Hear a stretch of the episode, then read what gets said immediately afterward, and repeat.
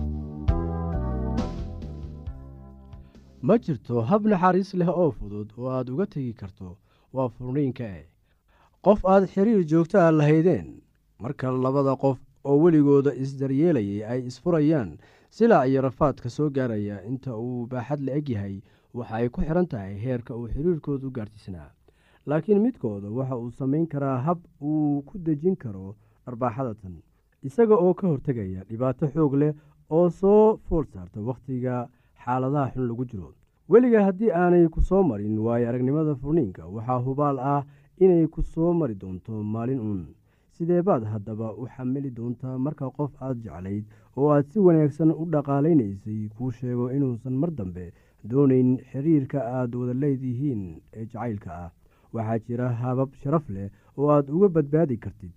Haddii aad furniinka ku xalin kartid hab wanaagsan oo deggan sumcadaada iyo wejigaada ayaa badbaadaya haddii kale furniinku waxa uu noqon karaa wasaq dhacdooyin foolxun oo labadiinaba idin wasaqeeya ayuu abuuri karaa. Haddaba doorashadu idinka ayay idinku xiran tahay. Haddii aad dareemaysid in wakhtigaad kala tegi lahaydeen timid sababaha aad haysatid si taxadar leh u eeg oo fiiri inay yihiin kuwo u qalma kala tegitaanka. Qofka aan wax garadka ahayn waxaa laga yaabaa inuu xiriirkiisii soo jiro isaga oo sabab uga dhigaya in qofka ay wada joogaan uusan baahidiisa dabooli karin. Runtii waa arrin iimaan daro ah markii aad xiriir u goysid baahidaada oo la dabooli waaye awgeed. Qofkaasi aan waxgaradka ahayn waxa uu ku fashilmay inuu arko in laftiisu ay mas'uuliyad ka saaran tahay xiriirkan laakiin waxa uu fudayd u arkaa eedeynta qofka kale intii uu qaladkiisa aqbali lahaa haddaba qofkii waxgaradka ahaa waxa uu goosanayaa inuu soo gebagabeeyo xiriirkii intii uu waajihi lahaa dhibkan isaga ah. Qofka kale oo cusub ayaa raadsanaya kana waxa uu ka tegayaa isaga oo yaaban oo calool xun.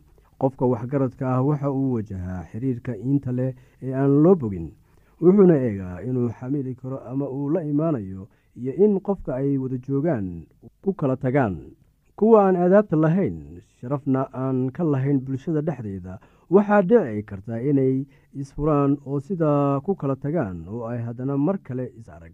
Laakiin dareen la'aantan iyo naxariis la'aantan laga jarayo xiriirka muddada socday waa mid aan u roonayn labada dhinacba. Kuwii ayaa xiriirka soo gebagabeeyey iyada oo aanay wax qaraar ah labada dhinac dhexoolin taasina weye tan la doonayo waa suurtagal inay labada qof isfuraan iyaga oo isugu mahadnaqaya wixii ay wada qaybsadeen. Waxaan uga dan leeyahay waa suurtagal inay labada qof isfuraan iyaga oo isugu mahadnaqaya wixii ay wada qaybsadeen. Dib u xusuusanayana wakhtigii wanaagsanaa ay wada lahaayeen iyo koritaanka ay horseeday saaxiibtinimada.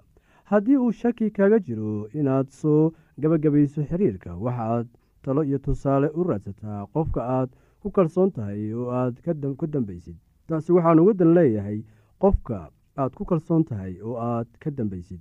Markii aynu xanaaqsanahay oo aynu kacsannahay wax ayaynu odhannaa oo samaynaa. Waxaas oo aynu hadhow ka sahlanayno kuwa kale.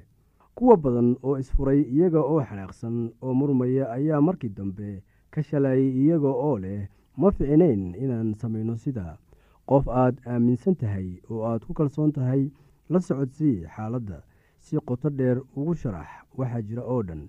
Tan iyada ah waxay kugu caawinaysaa in maskaxdaada nafisto oo aad qofka kale ku caawiso inuu isgarwaaqsado. Ta ugu wanaagsan ee aad samayn kartid ayaa waxa ay tahay adiga oo ducaysta oo ilaah weydiista in go'aanka fiican kugu toosiyo oo uu kugu caawiyo inaad waddada saxa ah dowlatid weydii inuu kugu caawiyo inaad go'aano naxariis la gaartid sidoo kale u ducee qofka aad kala tegaysaan si uusan ula kulmin silac xagga dareenka iyo xagga ruuxa jirka. Soo gebagabee xiriirka isla markii aad go'aankan gaartaba intii aad horkici lahayd qofka kale. Qaad tallaabo aad ku soo jaraysid xiriirka kadib markii uu shakiga caqligalka kugu dhaco. Ha iska dhigin mid daryeelaya qofka aad ka xiiso qabtay dhegeystayaal ku soo dhawaada barnaamijkeena oo aan ka hadli doono sida looga hortago ameenbaha. Arrimaha soo socda ayaa lagaga hortagi karaa ameenbaha iyo derisku noosha la soco ah. In la ilaaliyo nadaafadda guud ee deegaanka in musqul la isticmaalo in la ilaaliyo nadaafadda meelaha biyaha laga cabo ama lagu kaydo in faraha la mayro marka la saxaroodo iyo inta aan wax la cuninba. In la iska jiro duqsiga cuntadana la daboolo had iyo jeer. In la mayro khudaarta iyo miraha inta aan la cunin. In qofkii qoyska ka mid ah ee lagu tuhmo ameenbaha la tuso dhakhtar si loo baaro oo haddii laga helo looga daaweeyo hababka looga hortago cudurrada la xiriira cuntada isticmaal musqul leh dad derbi dalool meel lagu istaago. Musqushaasi fiicani waxay u leedahay dabool taasi oo ay ka xiri karto wixii dhibaatooyin ku soo kordhi karaa oo bulshada dhib u keeno.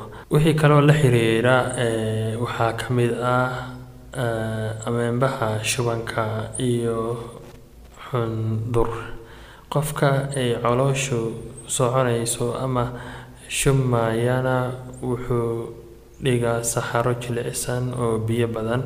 Haddii saxarada lagu arko axal ama dhiig markaas waxaa qofka haysaa xundur ama dabadhiig. Shubanku wuxuu ku baahan yahay carruurta yaryar. Wuxuu ku sii badan yahay carruurta nafaqada xumida hayso. Shubanku waa laba nooc mid qofka ku soo booda iyo mid muddo jiitama.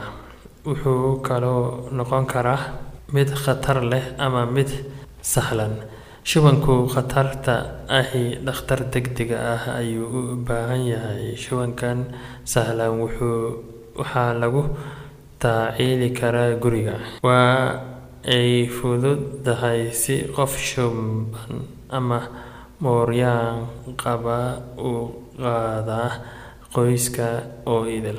Sababaha keena shubanka. Sababaha keena badanaa ayaa shuban keeni sababo badan ayaa shuban keeni karaa waxaana ka mid ah nafaqo xumo hargab colooleed ameenba qoryiqabo duumo cunto samaysan caanaha oo aan caloosha ku hakan cuntada ku cusub caloosha waxyaabaha caloosha socodsiiya cuntada duuxdu ku badan tahay hilibka baruurta badan miraha ceyriin ah ka hortagga shubanka. Shubanka iyo nafaqo xumo waxay way iswadaan shubanku wuxuu keenaa nafaqo xumo nafaqo xumona waxay qofka u nugleysaa shuban. Haddii nafaqo xumida laga hortago waxaa laga hortagi karaa shubanka haddii aad qabto wax su'aalaha fadlan inala soo xiriir. Ciwaankeenna waa radio somaly at yahu dt com. Mar labaad ciwaankeenna waa radio somaly at yahu dt com. Barnaamijyadeena maanta waa naga intaas